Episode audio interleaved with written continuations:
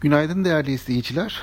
Dün borsa banka hisselerine gelen alımlarla günü yeni bir rekorla kapatmış oldu. Bankalarda bir ara %4'lerin üzerine çıkan alımlar kapanışta %2,5'la sınırlı kaldı ve endekste 135 bin seviyesinden e, kapatmış oldu. E, bu 135 bin seviyesi bir süredir hani direnç seviyesi olarak aşılması güç olabilecek bir seviye olarak değerlendiriliyor. Şimdi tam da o seviyenin üzerindeyiz borsa olarak. E, bundan sonrası için banka tarafında alımların devam etmesi gerekiyor bence. Ama e, önümüzde jeopolitik anlamda bayağı zorlu bir süreç var. Dolayısıyla bu süreç içerisinde de e, dalgalı bir seyir beklemek daha makul olur diye düşünüyorum. E, dün bankalara gelen alımlar özellikle Avrupa Birliği tarafından gelen değerlendirmeler sonucu oluştu.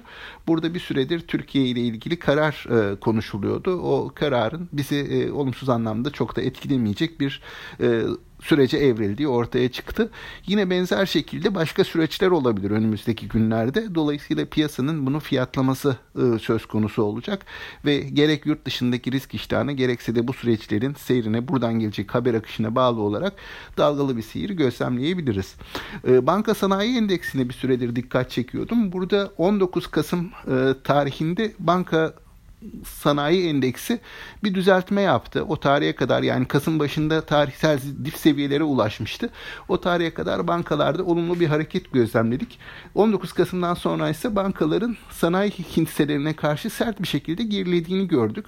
Bu bir anlamda hani ekonomi e, tarafında atılan yeni adımların çok da fazla hisse senetlerine yansımadığı anlamına geliyordu. Tekrardan Kasım başı seviyelerine gelmemiz.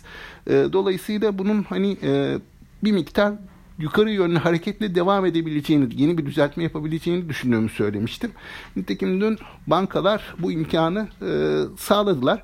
Ama bunun devamlılığı ve sürekliliği konusunda e, biraz daha piyasanın sabırlı olması gerekecek diye düşünüyorum. Özellikle bu önümüzdeki sürecin zorlukları nedeniyle.